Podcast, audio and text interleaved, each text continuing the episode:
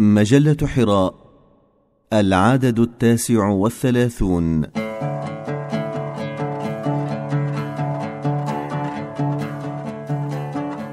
الموازين بقلم الأستاذ فتح الله جلن.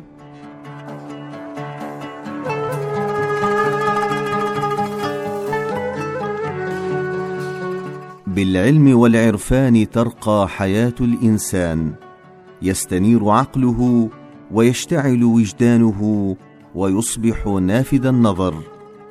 أما أخو الجهالة فهو ميت وإن مشى على رجلين. فالنظر والتأمل والتعلم والتعليم لهي من أعظم غايات خلق الإنسان على هذه الأرض.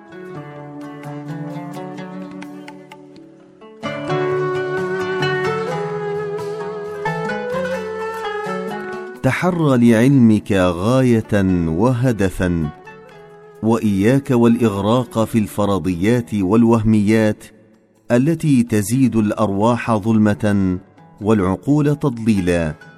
احذر مصائد الأرواح هذه وتجنب ما تنصبه للعقول من أفخاخ.